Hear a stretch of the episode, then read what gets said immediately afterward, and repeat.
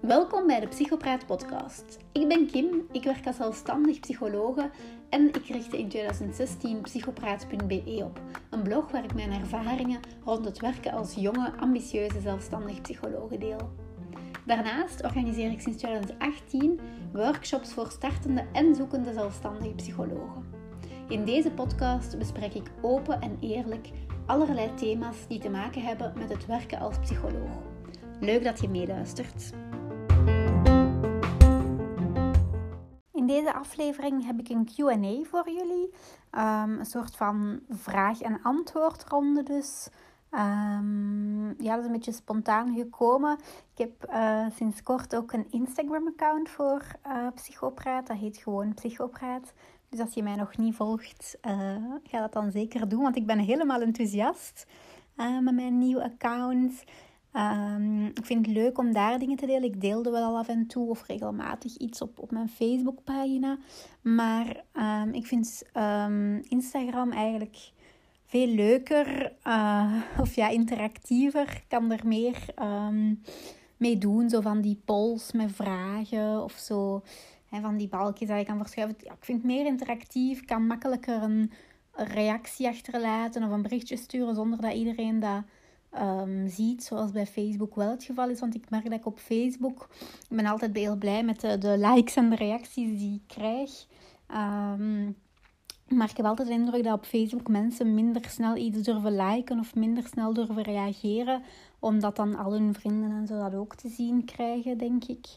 Um, ik merk dat bij mezelf soms ook, alhoewel dat ik dat uh, bewust probeer niet te doen, omdat ik zelf weet ik het ook fijn, fijn vind als mensen toch een reactie achterlaten of iets liken. Maar goed, dus ik merk op Instagram dat dat wel vlotter gaat, ook om een privéberichtje te sturen of, of om zo via een vragensticker antwoord te sturen en zo. Dus ja, het is een hele nieuwe wereld. Enfin, ik, eh, ik had natuurlijk, allez, natuurlijk, ik had al Instagram uh, privé, uh, maar dat gebruikte ik eigenlijk niet zo uitgebreid. Af en toe eens een fotootje posten en heel af en toe eens een verhaal maken, maar eigenlijk al die leuke functies gebruikte ik niet echt, maar nu met mijn um, ja, meer zakelijk account, zal ik maar zeggen.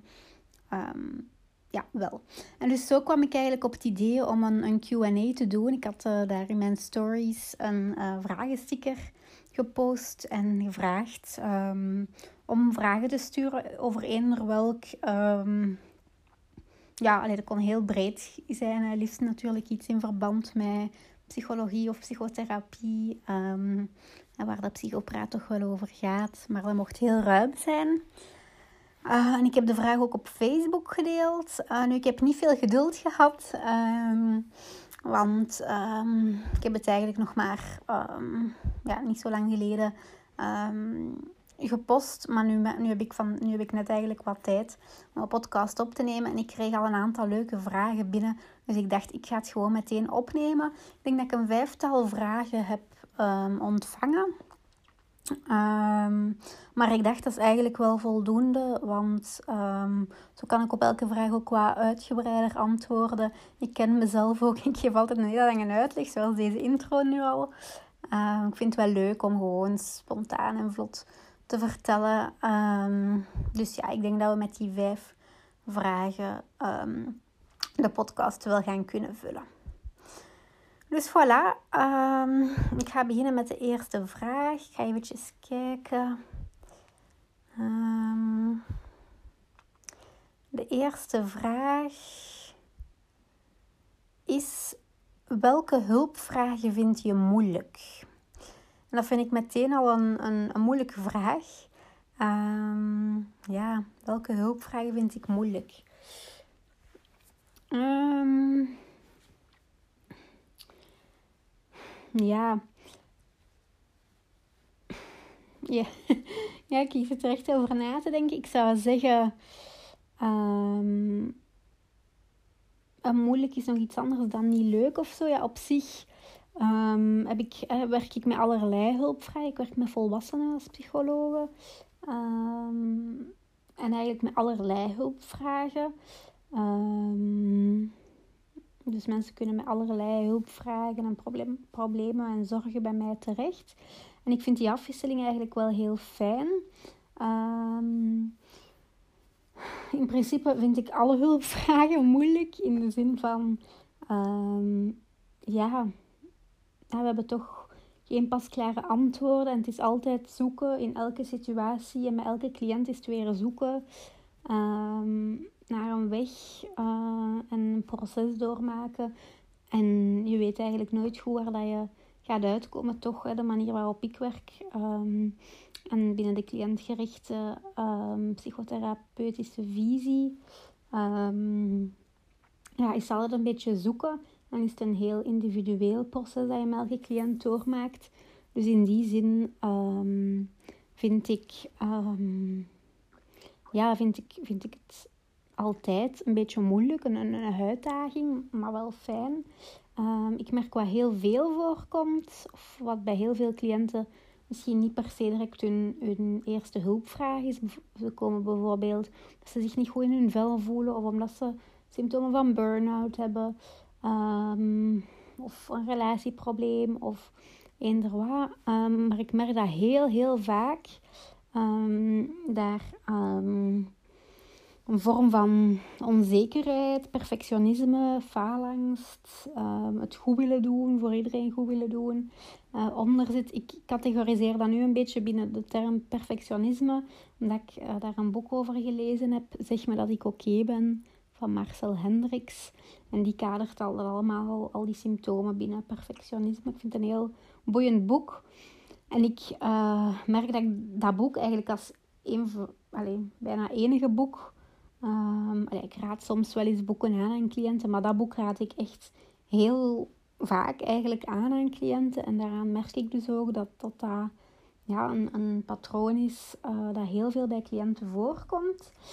Uh, ik werk daar op zich wel graag mee, um, maar ik merk dat ik dat ook wel moeilijk vind. Zo. Ik ben onzeker.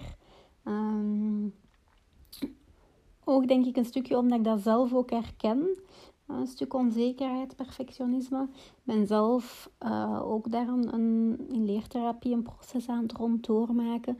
Dus ik ben meestal wel al een aantal stapjes voor op mijn cliënten, om het zo te zeggen. Um, maar ik merk dat dat soms wel speelt, dat het soms moeilijk is, dat ik soms zoiets heb van ja, ik heb er ook last van en ik weet het ook niet goed, hè, hoe dat je eraan uitgeraakt. Um, maar natuurlijk ja, kan ik wel terugvallen op mijn um, ja, op mijn, mijn basistechnieken. En, en is het met elke persoon weer zoeken. En ergens ook net doordat ik het zelf herken, um, ja, helpt het ook. Soms helpt het een stukje, denk ik, maar soms zit het ook een stukje in de weg zo, omdat iets is waar je zelf nog wat op vastloopt. Um, maar goed, dus een stukje dat, dat perfectionisme of laag zelfbeeld zo. Um, vind ik soms wel moeilijk, maar op zich wel, heel boeiend. Uh, maar wat ik eigenlijk nog wel best moeilijk vind, zijn relatieproblemen. Of liefdesverdriet vooral. Um, zo, ja, relatieproblemen in het algemeen. Als, als ik iemand individueel zie, um, soms vraag ik of de partner eens meekomt, maar dat, dat, willen ze niet altijd. Uh, en dan vind ik het soms best moeilijk om met één persoon aan die relatieproblemen te werken, zogezegd, of daarover te spreken, omdat je altijd maar, um, ja, die persoon kan alleen iets aan zichzelf veranderen. en dat heeft dan ook weer een effect op de ander natuurlijk, maar soms is het lastig um, ja, om met één van twee personen uit een relatie uh, rond relatieproblemen te werken. Of voelde ook een stukje, ja, dat er een stuk ontbreekt, zo die andere persoon waar dat je dat niet aan kan. Maar vooral uh, bij relatiebreuken en liefdesverdriet vind ik, vind ik ook wel, wel best moeilijk. Um, ik heb zo een aantal cliënten um, die, die ja, uit een relatiebreuk komen en die ja, nog altijd verdriet hebben daarover of, of persoon niet kunnen loslaten. Zo. Um, er heel veel aan denken of gaan opzoeken. Hè, zijn, zijn sociale media nog bekijken. Uh, of haar. Het, zijn, zijn vaak vrouwen uh, nu bij mij. Um, maar goed, ja. Ja, dan merk ik ook dat ik dat best moeilijk vind, omdat, omdat ik daar zo'n stuk die machteloosheid meevoel met de cliënt. Van ja, zij willen de relatie nog, maar de andere persoon wil het niet meer. En daar heb je geen vat op, dus daar kunnen niks aan veranderen. Zo. Het is een stuk, ja, dat leren accepteren en loslaten, maar dat vraagt tijd. Uh, dat kun je ook niet forceren, dus ja, dan heb ik soms het gevoel dat, dat ja, datzelfde verhaal zich zo wat herhaalt. Of dat, dat we daar zo wat in vastzitten en dat, dat, dat, ik daar precies weinig bij kan helpen of vat op heb. Of dat we zo weinig aan iets kunnen werken. Um, maar ik besef wel dat dat voor mensen veel kan betekenen. Dat ze daar ergens over kunnen praten. Want vaak zijn mensen in hun omgeving het ook beu. Of zeggen mensen vaak van ja, zet er je over, laat het los. Uh, je verdient beter. Hè, zo van die uh, typische dooddoeners. Waar dat mensen op dat moment eigenlijk niks aan hebben, in tegendeel. Dus um, ja, dat betekent het al vaak veel dat er iemand luistert en iemand hun ook zegt van oké, ja, dat vraagt tijd en je bent niet de enige die het daar lastig mee heeft. Um, dat is niet, niet zo abnormaal. Vind ik trouwens ook een, een moeilijke, dan merk ik ook vaak dat ik mij zo afvraag van ja, is het abnormaal of niet? Ik vind niks abnormaal. Um, maar met abnormaal bedoel ik, ja, is het, ja, is het ergens nog gezond afscheid en een rouw, een soort van rouwproces door? Of is het toch wel um, ja, een stukje ja, ongezond? Ik, ik weet niet hoe ik het, hoe het moet noemen. Uh, zit er toch iets, iets, nog iets anders onder dan alleen zo het, het, um, ja, rouwproces als reactie op het verlies van, van een relatie. Zo. Maar soms, uh, of vaak merk ik ook dat dat is bij mensen die zelf onzeker zijn, of een stuk met, dat, met die faalangst of perfectionisme, onzekerheid, laag zelfbeeld worstelen, uh, dat die het daar vaak moeilijker mee hebben en dan meer blijven vastklampen aan die relatie die ze kwijt zijn uit angst van niemand anders meer te vinden of dat die afwijzing heel erg pijn doet. Ehm, en dat dat hun, hun zelfbeeld nog meer naar beneden haalt. Ook de angst om niemand anders meer te vinden, waardoor dat ze dan soms die, die relatie of die persoon wat gaan idealiseren. Um, ja. Dus voilà, dat vind ik best moeilijk. Zo relatieproblemen en vooral relatiebreuken en liefdesverdriet. En, en, en, en, en ja, hun, hun ex-partner um, ja, de breuk aanvaarden en de, de ex-partner loslaten. Zo dat proces um, vind ik best moeilijk. Um, voilà, ik denk, ik denk dat dat dat het voornaamste is wat ik daarover uh, kan zeggen. Oké, dan zal ik naar de volgende vraag gaan. Ik ga eventjes kijken.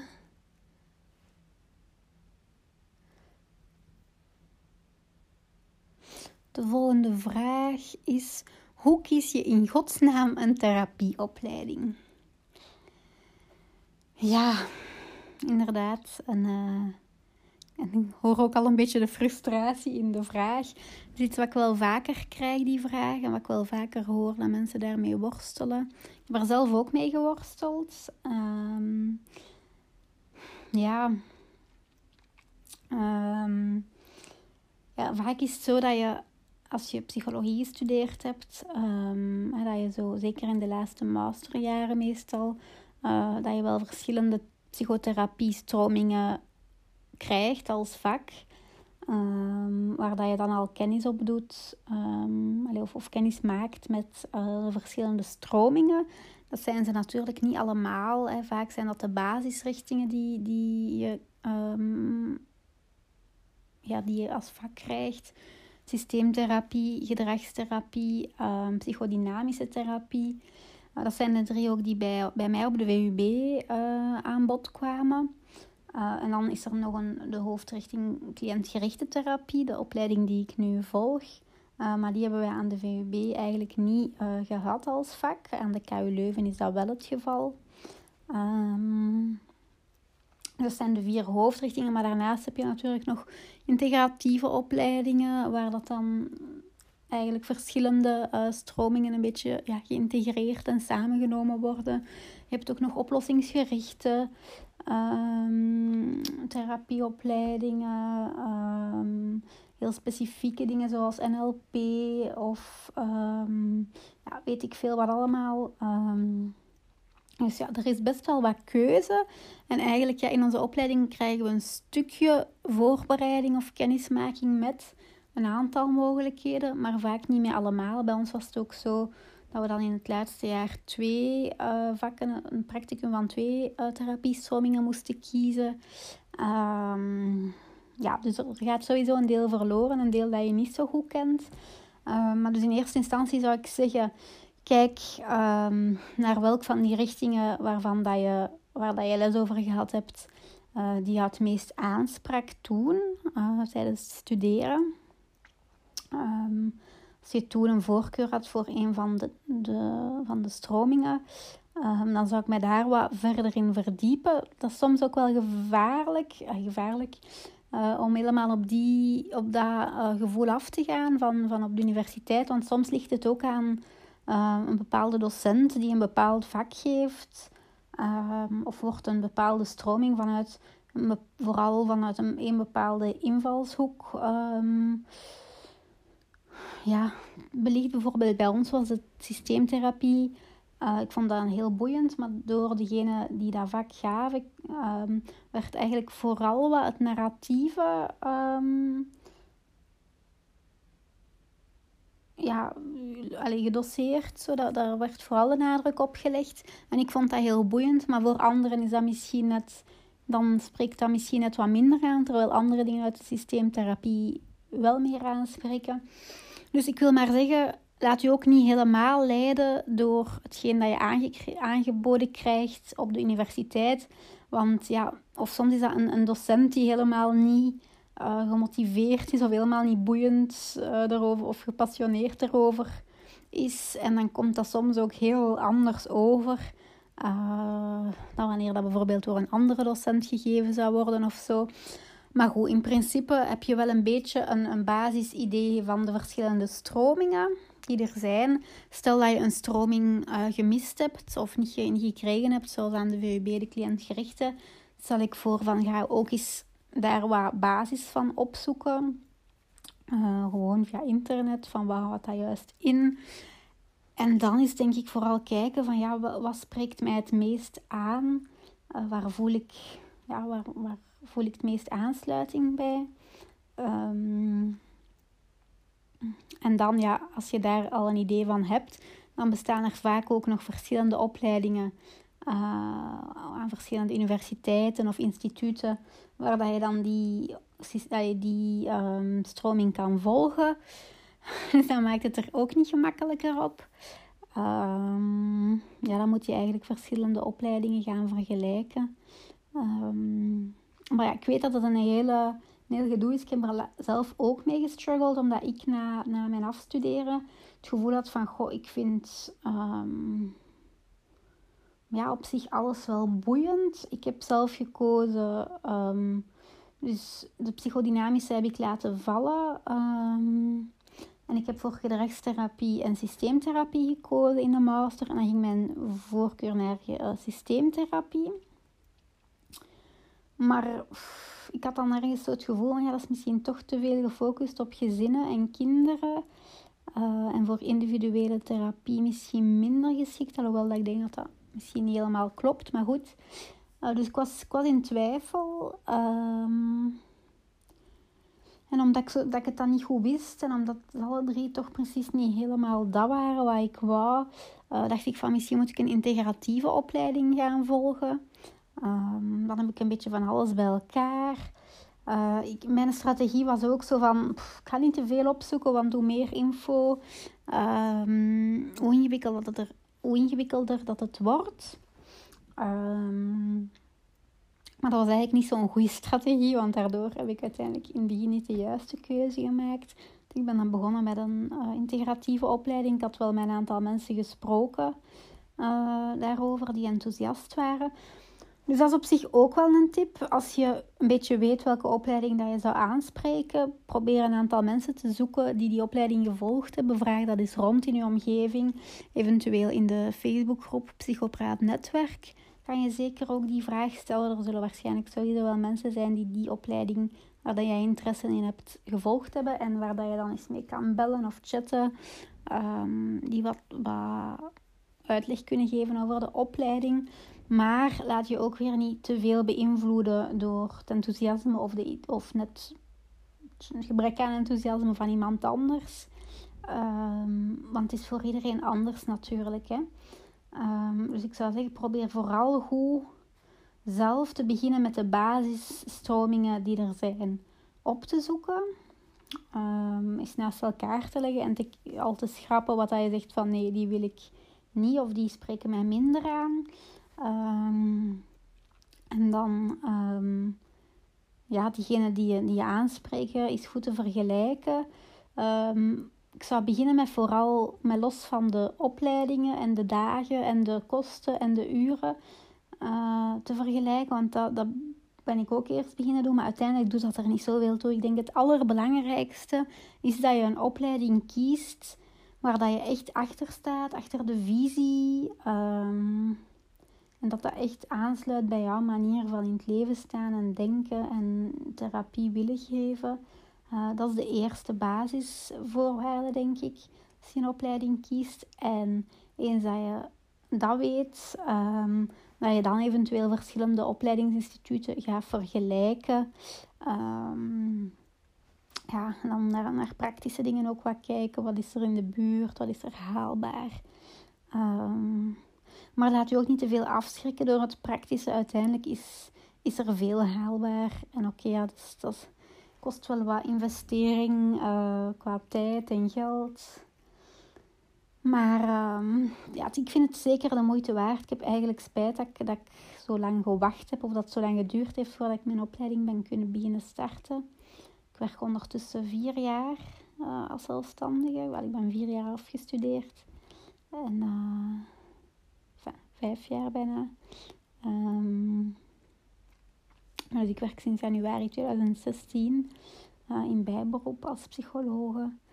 Um, dus ik heb eerst jaren zonder een therapieopleiding gevol, gewerkt en dat ging uh, en dat gaat. Um, maar dat is toch echt wel een gemis. Dus ik zou zeggen, wacht er ook niet te lang mee. Ehm, als je dat graag wil doen, geeft echt wel heel wat vast en ondersteuning en het gevoel dat je weet waar dat je mee bezig bent en je hebt supervisies en dit en dat. Dus uh, ik zou wel aanraden als je het gevoel hebt van ik wil graag een therapieopleiding doen, dat je um, ja, de tijd neemt om dat eens uit te zoeken en om dan ja, ook je kandidaat te stellen, want dat is dan ook nog iets, dat heb ik zelf ook meegemaakt. Um, je wordt niet altijd meteen geselecteerd, meestal zijn de plaatsen beperkt. Uh, en gaat er een sollicitatieronde aan vooraf. Um, dus ja, de kans bestaat ook dat je niet meteen geselecteerd wordt en dan moet je weer een jaar wachten. Um, dus ja, op die manier uh, kan het dan nog wel, nog wel eventjes duren. Dus ja, ik denk dat dat een beetje mijn advies daar rond is. Um, ja, volg vooral je gevoel. Probeer niet te veel na te denken en te vergelijken. Probeer vooral te focussen op de basisvisie um, van de verschillende stromingen en welke jou daar het meeste aanspreekt. En um, ja, ga ervoor, zou ik zeggen. Um, en het is zeker een aanrader. Ik heb zelf ook een integratieve opleiding het eerste jaar daarvan gevolgd. Voor mij beviel dat niet helemaal. Ik vond het op zich een heel boeiende en fijne opleiding. Maar ik miste houvast uh, of, of één, één basis om vanuit te vertrekken. Dat was elke les weer iets anders. En ik vond het moeilijk om dat te integreren. En ik had het gevoel dat ik nog meer in de war was. Ik had heel veel nieuwe ideeën en visies en technieken maar zo te veel tegelijk en bracht mij precies nog meer in de war in plaats. En ik had echt nood aan ja, één duidelijke visie. Oké, dat is de manier waarop ik ga werken. Dat is de basisvisie van, vanuit waar ik vertrek. En dat vind ik nu wel heel erg uh, in het cliëntgerichte. Um, en die integratieve opleiding zou ik eventueel later ehm, nog willen volgen. Alleen, dat weet ik nog niet. Maar lijkt mij leuk om later te verbreden. Maar er zijn ook heel veel mensen die uh, wel heel tevreden zijn, die dat als eerste opleiding doen. Dus um, ja, dat is voor iedereen anders. Uh, ik heb ook op mijn blog uh, mijn ervaringen met integratieve opleiding en mijn zoektocht naar een therapieopleiding in verschillende artikels beschreven. Dus als je daar nog meer over wilt lezen, kan je eens op mijn blog op psychopraat.be en dan doorklikken naar blog. En dan kan je in de zoekfunctie um, kan je iets over therapieopleiding um, typen en dan ga je mijn artikels wel kunnen vinden. Dus voilà, ik hoop dat, dat jullie hier wat wijzer uit uh, geworden zijn uit hele mijn uitleg. Goed, we zijn alweer even bezig, dus ik ga door naar de volgende vraag. Wat te doen indien een cliënt met zelfmoordgedachten rondloopt? Ja, dat is dan uh, een heftigere vraag. Uh, ja, dat is altijd moeilijk. Hè? Ik heb het al, al regelmatig voor en, en ik heb nu ook een aantal cliënten in begeleiding uh, die zelfmoordgedachten hebben. Dat is niet evident. Um, het hangt er natuurlijk ook een, nog een... Allez, er is ook nog een beetje een onderscheid tussen of dat, dat kinderen of jongeren zijn of volwassenen. Bij mij zijn het allemaal volwassenen. Um, ja, het is heel moeilijk. Hè? Ook zo het beroepsgeheim en dan de meldingsplicht. En um, dat kan je allemaal nalezen als je eh, concrete wetgeving wilt weten kan je daarover lezen op de website van Compsi, compsi.be. Ehm, daar kan je artikels vinden over um, suïcide en over uh, beroepsgeheim en meldingsplicht. En ook op de website van zelfmoord1813.be. Daar kan je ook heel wat vinden. En dan kan je ook klikken op uh, info voor hulpverleners. Uh, daar vind je ook heel wat tips. Um, maar ik zelf heb misschien een beetje een eigenwijze manier weer om daarmee om te gaan. Um, ik hoor vaak van collega's dat zij redelijk snel wat ja, in paniek is misschien veel gezegd, maar dat zij vooral um, een grote verantwoordelijkheid voelen en heel angst, allez, heel angstig, ja, en, en wel bang zijn zo van oei, heb ik wel het juiste gedaan? En wat als er iets gebeurt? Ben ik dan ingedekt? Heb ik dan gedaan wat ik moet doen? Uh, je moet dat goed in je dossier beschrijven. En uh, moet goed beschrijven dat je dat bevraagd hebt. Of dat je een veiligheidsplan gemaakt hebt. Of dat je um, de cliënt uh, bijvoorbeeld het nummer van de zelfmoordlijn hebt gegeven en zo. Ik ben daar minder mee bezig. Ik heb het gevoel dat ik dan vooral bezig ben met mezelf in te dekken. Uh, wat dat mijn cliënt op dat moment eigenlijk niet nodig heeft, denk ik. Nu, het is een moeilijke afweging, hè, want we kunnen ook wel een stuk verantwoordelijk gesteld worden voor schuldig verzuim. Um, als we niet gedaan hebben wat we moeten doen. Maar ja, wie bepaalt dat? En allee, is heel moeilijk. Ik heb het ook nog nooit voor gehad. Um, houd vasthouden. Um, dat een cliënt van mij effectief zelfmoord pleegt. En laat staan dat dan hè, nog eens een klacht wordt ingediend of zo, dat er een onderzoek gestart wordt tegen naar jou of dat je wel de goede stappen hebt gezet, dat lijkt mij heel heftig. Uh, want ik denk dat, ja, ja, dat sowieso dat elke psycholoog wel zijn best doet, uh, wat hij ook doet, dat hij dat met de goede bedoelingen doet voor, voor de cliënt. Um, maar goed, ja, dus wat doe je? Dus ja, in principe wat je zou moeten doen, of wat dat de regels er rond zijn, kan je vinden op die websites die ik daarnet vermeldde. Um, daar, eh, in kort gezegd, zeggen ze als de cliënt echt een gevaar is voor zichzelf of voor anderen. Als je echt concreet hebt van ik ga dan mijzelf iets aandoen. Um, dan zou je, heb je eigenlijk meldingsplicht, denk ik. Dan moet je, um, ja, ik denk politie of zo uh, contacteren. Maar zolang dat het niet zo concreet is, kan je weinig doen. En ik vind ook van mensen moeten vrij zijn om dat te kunnen bespreken met ons. Dus als wij direct in paniek gaan schieten en gaan willen hun uh, tot een opname dwingen, of de politie bellen, of um, ja, dan, dan gaan mensen zich ook niet meer vrij en veilig voelen om die dingen met ons te bespreken. Dus ik, ik blijf daar eigenlijk heel rustig onder. En ik maak heel duidelijk dat het bespreekbaar is. Ik ga erop in. Ehm, ja, en ik kijk met hun ook naar ja, wat maakt dat ze daaraan denken. Hè? Wat, wat, wat maakt dat ze dat als optie zien waar, en waar willen ze vanaf? Hè? Want vaak willen mensen niet, niet.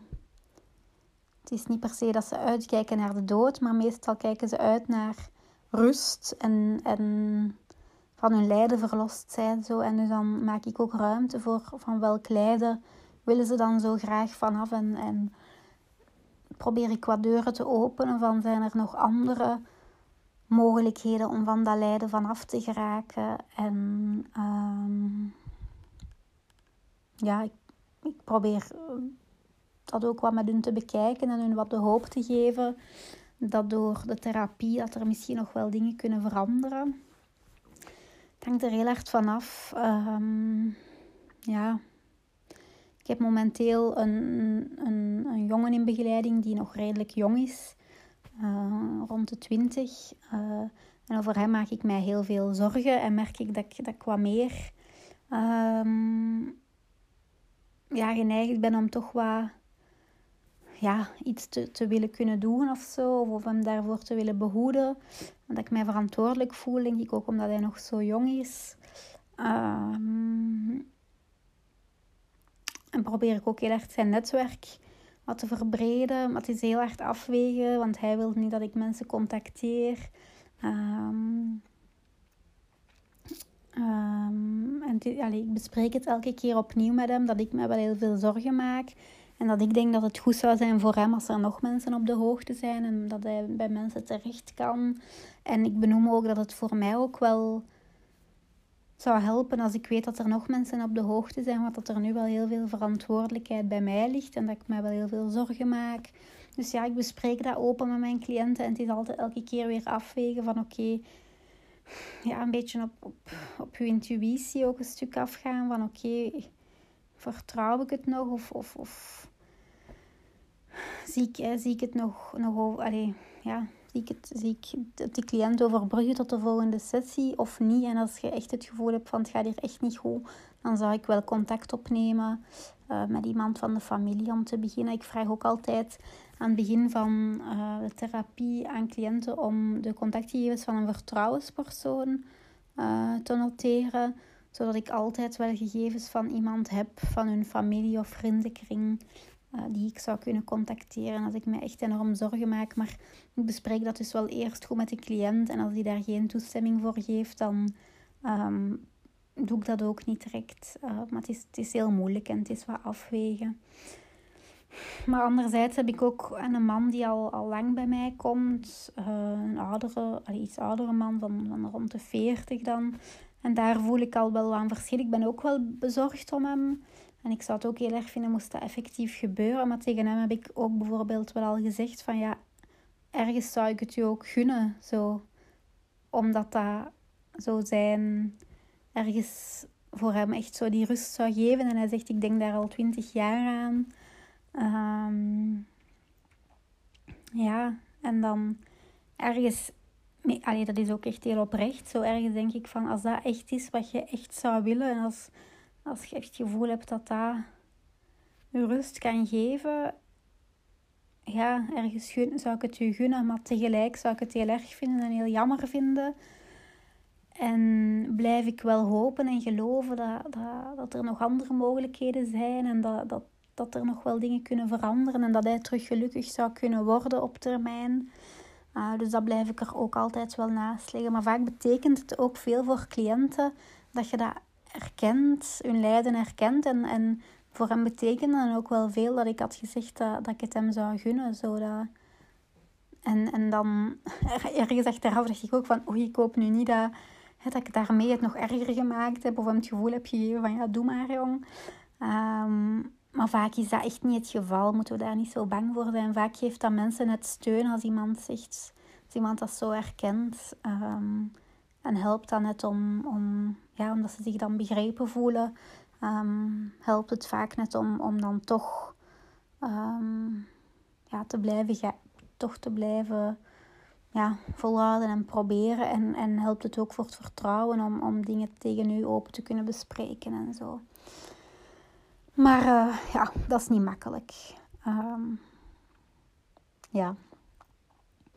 Dus ik, ik ga niet zo snel echt concrete stappen ondernemen. Heel veel uh, van mijn collega's maken een, een, veiligheidsplan op. Je kan dat downloaden op de website van Zelfmoord uh, eh, 1813 ook. En dat zijn zo'n aantal vragen van hoe, hoe merk ik op dat ik aan zelfmoord denk? Aan welke, welke gedachten of gevoelens heb ik dan? Um, wat kan ik doen om mezelf af te leiden? Wie kan ik contacteren? Uh, zo van die dingen staan daar dan op. En dan is de bedoeling om dat samen met de cliënt in te vullen. Zodat die, als die echt in, een, in, een, um, in zo'n periode zit, dat die echt die zelfmoordgedachte heeft. Dat hij naar dat blad of dat plan kan teruggrijpen. Er zijn ook apps van um, Back on Track en Backup. Nee, on, oh, wacht hè. Backup en On Track Again is het denk ik. Uh, waar dat je ook zo'n zelfmoordplan, uh, een veiligheidsplan, sorry, uh, kan ingeven en zo. Maar ja, ik vind dat ook altijd een beetje dubbel. Ik zou het met jongeren um, misschien wel sneller doen. Met volwassen mensen vind ik dat, ja, het kan helpen hoor, denk ik. Maar vind ik soms zo wat, ja, ergens heb ik altijd ook zoiets van, ja, ze zijn zelf verantwoordelijk en denk op zich weten zij waarschijnlijk wel naar wie dat ze kunnen bellen of um, was ik ja dus ja ik vind ik vind het altijd moeilijk ik, heb ook altijd ik heb soms dan zo wat gevoel van ja dat is hier om mezelf er mezelf wat in te dekken of mezelf er wat van af te maken of een veilig gevoel te geven als we dat hier nu invullen uh, maar op zich ja, kan het nooit geen kwaad om het ook aan de cliënt voor te stellen en te zeggen: wat denkt jij daarvan? Denkt jij dat dat u zou kunnen helpen om zo'n plan te maken? Uh, wat zou het voor u kunnen betekenen als we dat hier samen invullen? Uh, wat heb jij nodig van mij?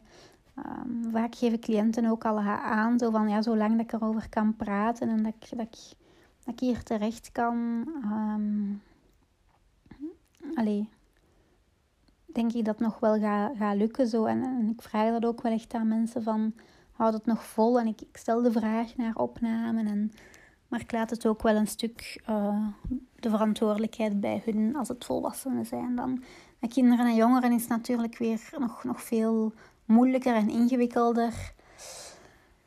Ja, ook daar vind ik het een, een dunne grens. Wil ik ook heel erg respect hebben voor hun. Um, ja, wensen. En, en, maar tegelijk ja, draaien ze natuurlijk ook een stuk meer verantwoordelijkheid. En zou ik wel sneller de ouders contacteren, denk ik, uh, dan wanneer het um, om een volwassene gaat.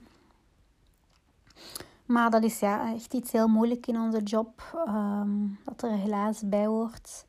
Um, maar ik zou zeggen, onderschat vooral niet hoeveel het kan betekenen voor mensen dat ze um, bij u terecht kunnen en dat ze daarover kunnen praten en dat je er net niet paniekerig op reageert en dat je net niet hun er direct vanaf wilt helpen of hun wilt uh, ergens opsluiten, bij wijze van spreken. Um, want dan gaan ze zich, denk ik, net vaak heel onbegrepen voelen. Dus onderschat niet hoeveel het kan doen, dat ze het gewoon kunnen bespreken, dat je luistert, dat je je bezorgdheid uit en tegelijk hun, hun um, ja, wens en privacy ook een stuk respecteert. Zo, maar het is een heel moeilijk evenwicht. Oké, ik ga verder naar de volgende vraag. Um, mogen cliënten jou tussendoor bellen of mailen indien er een crisis is? En die sluit eigenlijk wel een beetje aan hè, op de vorige vraag.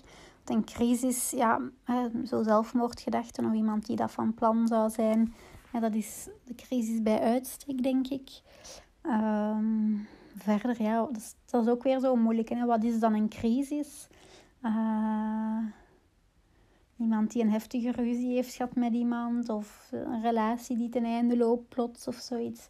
Kan ook een crisis zijn. Uh, of uh, als je met kinderen werkt, een ouder die, die niet met zijn kind om kan, of een kind dat weggelopen is. Ik heb, ik heb zelf ooit voor gehad een meisje die bij mij in begeleiding was, volwassen, begin twintig ergens. Um, dus ja, wel volwassen, maar uh, was weggelopen van thuis. Um, met ook zelfmoordgedachten en zelfverwonding. Um, waarbij ik op een avond telefoon kreeg. nu, ja, dus eh, ja, en, en, en, en dan ja, is inderdaad de vraag: mogen mensen jou contacteren? Nu, bij mij is het zo dat mijn gsm-nummer dat ik voor mijn cliënten gebruik, ook gewoon mijn, mijn privé-nummer. Dus ik heb maar één gsm-nummer. Uh, wat ik in het begin geen probleem vond, maar wat ik de laatste, allee, doorheen de tijd wel, ja, beklagen is veel gezegd. Het heeft ook voordeel, het is ook handig soms om gewoon één gsm en één nummer te hebben. Maar soms heeft het ook nadelen. Ehm, dus in principe staat mijn gsm altijd aan en kunnen cliënten mij elk moment uh, bereiken. Wat dat dus niet zo ideaal is, want ook als je op vakantie bent of s'nachts, of vaak heb je het wel gehoord of gezien. Nu, s'nachts zet ik mijn gsm vaak in, uh, in vliegtuigstand. Ehm, en ook wanneer ik ja, met cliënten bezig ben, dan neem ik ook mijn gsm nooit op. Ehm, dus in die zin, ja, ik ben ook gewoon niet altijd bereikbaar. En ik wil ook niet altijd bereikbaar zijn. Um, het is niet de bedoeling dat cliënten mij ja, tussen sessies door nog, nog regelmatig opbellen. Dat zeker niet. Um, maar de meeste mensen respecteren dat vanzelf en gaan dat ook niet zo snel doen. Maar inderdaad, als er echt een crisissituatie is, uh, vind ik het altijd een moeilijke afweging van ga ik nu zeggen van je mocht mij bellen als het niet gaat. Uh, of zeg ik dat niet? Want ja, wil ik het wel dat ze mij daarvoor bellen? Ten eerste. En ten tweede, wat als ik niet kan, kan, ja, wat als ik niet kan opnemen, als ik het niet gezien heb. Um, ik wil ook niet, allee, ik wil helemaal niet um, het gevoel hebben van, oh, een van mijn cliënten is in crisis, ik moet hier nu mijn gsm s'nachts laten opstaan of waakzaam zijn. Um, ja, dat, dat is niet, niet, of in het weekend, uh, als ik weg ben of iets gaan doen ben, ja, ik moet toch mijn gsm in toog houden, want mijn cliënt kan mij bellen. Dat wil ik eigenlijk niet. Uh, ik wil die verantwoordelijkheid niet op mij dragen. Daar bestaan ook specifieke diensten voor, zoals teleonthaal. Um, voor jongeren is er al wel een jongerentelefoon. Um, voor, uh, als het echt over zelfmoord gaat, is er de zelfmoordlijn, chat. Um, die zijn ook niet altijd uh, bereikbaar, helaas. Dat zou wel moeten zijn, maar vaak heb ik ook al gehoord van mensen dat dat bezet is of zo. Dus dat is, dat is jammer natuurlijk, maar ja, dat geef ik ook wel vaak mee aan mensen. Als ik zo voel dat nodig is uh, of dat zou kunnen helpen, geef ik meestal wel die telefoonnummers of die gegevens, die websites mee. Zodat ze weten dat ze daar uh, in crisismomenten naar kunnen bellen. Um, ik denk ook dat mensen nog eerder geneigd gaan zijn om dan toch iemand te bellen die ze kennen, of een vriend of vriendin of, of familielid te contacteren. Ehm, en dat de meeste mensen in eerste instantie niet direct naar mij zouden bellen. Ehm, ik vind ook ergens wel belangrijk dat ze ook leren van niet alleen op mij als hulpverlener uh, te steunen, maar ook als het niet gaat om andere mensen te, te betrekken. Dus op zich vind ik het niet helemaal mijn taak om op elk moment klaar te staan voor hun. Um, ik zie het dan eerder als mijn taak om met hun te kijken van bij wie kun je terecht. En als dat moeilijk is om, daar, om het daarover te hebben tijdens de sessies. Van hoe kunnen we ervoor zorgen dat je toch mensen in vertrouwen kunt nemen en, en die dingen. Um, dan dat ze alleen maar op mij leunen. Zo. Um, in het begin deed ik dat misschien sneller, van ja, je mag mij bellen als het niet gaat, of laat maar weten als er iets is. Nu ben ik daar wat voorzichtiger in om dat, om dat te zeggen. Nu, um, ja, het gebeurt soms wel en ja, soms neem ik op. Uh, als ik kan of als ik het zie, dan neem ik wel op of bel ik wel terug. Uh, maar ik ga u zeker niet zeggen van je kunt mij elk moment bellen. Um, want ik wil, ik wil die verantwoordelijkheid niet en dat is gewoon niet haalbaar. Um, maar mensen kunnen mij zeker, allee, ze kunnen mij zeker wel contacteren um, als er een crisis geweest is. Niet om op dat moment per se direct in te grijpen, want ja, vaak kan ik ook niet zo heel veel doen op dat moment. Maar dan kunnen we wel um, bijvoorbeeld sneller een afspraak inplannen als dat mogelijk is in mijn agenda.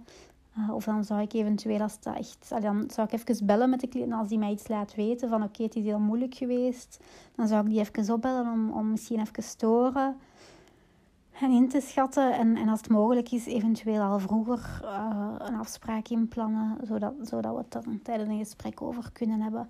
Maar ik denk dat het ook een illusie is dat wij als hulpverlener alles kunnen oplossen en een crisis, een crisis uh, met een gesprek of met even te telefoneren kunnen bedaren. Ja, we kunnen mensen waarschijnlijk wel even kalmeren of het zal hun wel deugd doen of zo, maar... Um, ja, in principe kunnen wij ook niet alles oplossen. Um, ja. Dus voilà, ik, ik, ik heb door de tijd heen ben ik daar wat voorzichtiger in geworden en ga ik mensen um, ja, alleszins niet het geven dat ze dus elk moment uh, bij mij terecht kunnen. Um, maar uitzonderlijk ja, gebeurt het wel eens. Dus dat, dat is wel zoeken. ik denk dat je vooral bij jezelf moet kijken, hoe dat je als hulpverlener dan, Um, hoe dat jij daar als hulpverlener mee wilt omgaan en wat jouw grenzen daarin zijn. Je mag daar ook gerust grenzen in stellen. Wij hoeven niet 24 op 24 beschikbaar zijn, te zijn. Dat is onze job niet. Um, dus ja, moet je wat, wat in zoeken voor jezelf. Um, ja, voilà. Nu, mijn ervaring is ook wel dat de meeste mensen dat ook wel uit zichzelf weten en respecteren. En dat ze niet zo snel uh, geneigd gaan zijn om... om s'avonds laat of s'nachts of in het weekend contact op te nemen. Oké. Eh, voilà, dat was de vierde vraag. En dan is er nog eentje. Um, en dat is... Ik kan me voorstellen dat als je start je nog maar weinig of geen cliënten hebt en dat een tijdje duurt. Hoe heb jij de rest van je tijd ingevuld in die eerste periode? Werkte je nog vol tijd? Ja, dat is ook een vraag die ik regelmatig krijg. gaat over het, zelfstandig zijn als psycholoog. En dan zo de startperiode is, hoor ik heel vaak een angst van weinig cliënten te hebben. En hoe doe je dat dan? Um, en nu de vraag ook naar hoe dat bij mij ging. Ja, dus toen ik gestart ben, werkte ik één dag per week. Ik heb, ik heb dat wel al, al verteld en over geschreven op mijn blog en zo. Ga misschien wat sneller proberen overgaan, maar ik ken mezelf, ik vertel altijd veel. Dus maar toen ik net startte, werkte ik één dag per week in bijberoep. En daarnaast werkte ik dus vier dagen per week uh, een andere job. Eerst als wetenschappelijk medewerker en nadien... Enfin, ik heb verschillende jobs gehad, maar dus één dag in bijberoep. Um, en doordat ik dus nog een vier vijfde job had, waar dat ik voldoende mee verdiende om, um, ja, om rond te komen. In het begin woonde ik ook nog thuis, dus dat was eigenlijk ideaal. Dan verdiende ik, had ik eigenlijk ook nog niet echt geld nodig voor, voor uh, een, een lening of een huur of zo te betalen. Dus dan speelde dat ook niet zo, allee, lag er niet zoveel druk in het begin. Dat is ideaal natuurlijk. Um, om dan veel cliënten te zien. En vond ik het ook fijn om daar rustig aan te kunnen opbouwen. Um, maar dat is natuurlijk niet voor iedereen haalbaar. Als je wel je vaste kosten hebt, moet je natuurlijk wel zien dat er wat binnenkomt. Maar zo vier vijfde beginnen vind ik eigenlijk ideaal. Want dan heb je meestal door je vier vijfde te werken nog wel een oké inkomen. Um, waardoor dat je niet zoveel druk hebt om die, die allemaal zelfstandigen dan die een dag direct volledig te vullen. Um, maar ja, dat is ook niet voor iedereen haalbaar. Soms Vind je maar een halftijdse job of vind je geen job en moet je toch uh, meteen zelfstandig in hoofdberoep beginnen? Um, dat is minder ideaal om te starten, denk ik, want ja, dat vraagt inderdaad wel even tijd. Maar ik denk dat het niet alleen tijd vraagt. Ergens kunnen zeggen, het vraagt wat tijd, zodat mensen nu leren kennen en dat er wat mond-aan-mond reclame. Oké, maar ik denk dat het vooral ook wat inzet vraagt um, om cliënten naar u toe te trekken. En dat je daarvoor zelf heel veel kan doen. Dus ik geloof er wel in dat je, als je wilt, dat je echt wel voldoende cliënten kan aantrekken. Nu, ik... Um, ik heb daar eigenlijk zelf door eigen ervaring. Allee, en ik, heb, ik werk nu vol tijd zelfstandig en ik moet eigenlijk nog altijd heel veel cliënten weigeren. Mijn agenda zit vol. Nu, ja, ik denk dat dat een stukje komt doordat er niet heel veel psychologen zijn in het dorp waar ik uh, werk. Maar, goh, ja. En ook gewoon omdat er denk ik heel veel, gewoon bij alle psychologen redelijk, wel redelijk, alleen bij veel psychologen redelijk druk is. Ehm, maar ik geloof ook wel ehm, dat ik veel cliënten aantrek door de manier waarop ik mij bekend maak en profileer, vooral online. Maar ook offline. Allee, offline kan je dingen doen. Ehm, dus wat ik daarin zou zeggen is ideaal als je wilt starten als zelfstandige, denk ik, is wel om nog een job ernaast te hebben, minimum halftijd, zodat je in bijberoep kan beginnen, zodat je al een standaard inkomen hebt en dat je dan toch die zekerheid daarvan hebt. Maar ik geloof ook echt wel dat je redelijk snel veel cliënten kan aantrekken. Ehm, door echt wel bepaalde stappen te zetten, um, dingen te doen, je bekend te maken. Zorgen dat je goed vindbaar bent via Google. Door onder andere op Vind een Psycholoog een ehm, profiel te maken. betalend, maar dat, daar, daar, haal je er echt wel uit. door een eigen website te maken, goede teksten te schrijven, goede foto zorgen dat je, ja, dat je aantrekt en dat mensen jou kiezen uit, zeker als je ergens werkt uh, in een stad bijvoorbeeld, waar dat heel veel psychologen zijn, dat je er een beetje uitspringt, dat mensen jou kiezen op basis van jouw foto, maar ook vooral ja, op basis van de teksten die je schrijft, dingen die herkenbaar zijn, dingen die duidelijk zijn. Ik heb daar heel veel tips en advies over. Uh, en ik krijg ook heel vaak complimenten van cliënten over mijn website. Of ik hoor heel vaak van cliënten van ja, je website spreekt me echt aan. Of er was heel veel informatie en het was duidelijk en dit en dat. Uh, dus je kunt altijd eens kijken op mijn website. kimderidder.be is dat voor cliënten. Um, neem alsjeblieft niet zomaar mijn teksten over, want ik heb dat al een paar keer voor gehad dat mensen ook die naar mijn infosessie of zo geweest zijn, daar echt delen van overnemen. Dat vind ik eigenlijk niet zo fijn. Um, dat dat gewoon, allee, ik moet het als een compliment zien, maar toch vind ik het niet zo fijn dat dat zomaar grotendeels overgenomen wordt. Plus, ja, zorg ook voor dat je eigen eigenheid erin zit. Hè. Ehm, en dat is ook niet zo goed voor de resultaten in Google trouwens, als, je, als er twee keer dezelfde of ongeveer dezelfde tekst op verschillende websites staat. Uh, dan word je minder goed gerankt in Google. Uh, maar goed. Um, dus voilà. Maar dus ga eens kijken. Op, ik vind allee, online, echt, mij vinden heel veel mensen online. Dat werkt echt heel goed. Dus als je daar wat um, tijd en een beetje geld, maar dat hoeft niet heel veel te zijn voor een eigen website en zo, in investeert, dan, uh, dan moet dat zeker wel lukken om, om cliënten aan te trekken. Nu, ik heb uh, deze zomer een begeleidingstraject georganiseerd, Groeien als zelfstandig psycholoog, waar dat, dat echt zelfs bijna twee sessies aan bod komt. Zo. De eerste sessie gaat over het vinden van uw missie en uw waarde als psycholoog. Waar staat je voor? Want dat is ook wel belangrijk. En zeker in het begin is dat niet altijd zo duidelijk en gemakkelijk. En dat groeit ook wel. Maar toch is het belangrijk om daar wel even bij stil te staan. Zodat je ook weet wat je op je website kan schrijven. En dat je op een bepaalde manier wel kan ja, profileren en bekendmaken. Um, zodat mensen ook weten wat ze kunnen verwachten en zich aangesproken kunnen voelen. Dat je ook dan direct de juiste cliënten aantrekt en dat niet na een gesprek van Enfin, dat kan altijd gebeuren. Maar dat, als je al direct op je website een goed zicht geeft, ga je veel minder vaak voor hebben dat mensen komen en na een keer toch afhaken omdat het toch niet dat was en zo. Dus uh, ja. Ik voel dat ik wat uitgepraat ben en ik zie dat de podcast al uh, eh, 52 minuten duurt. Dus uh, ik ga afronden hier. Maar dus ik was nog iets aan het zeggen over het begeleidingstraject. Dus ja, een eerste sessie over uh, waar sta je voor als psycholoog. En dan in de tweede sessie gaan we echt in op het jezelf bekendmaken als psycholoog. Dus die sessie gaat over voldoende uh, en de juiste cliënten aantrekken. En daar geef ik heel veel tips en informatie. En gaan we echt samen kijken naar hoe kun jij nu voor uw doelgroep voldoende cliënten aantrekken.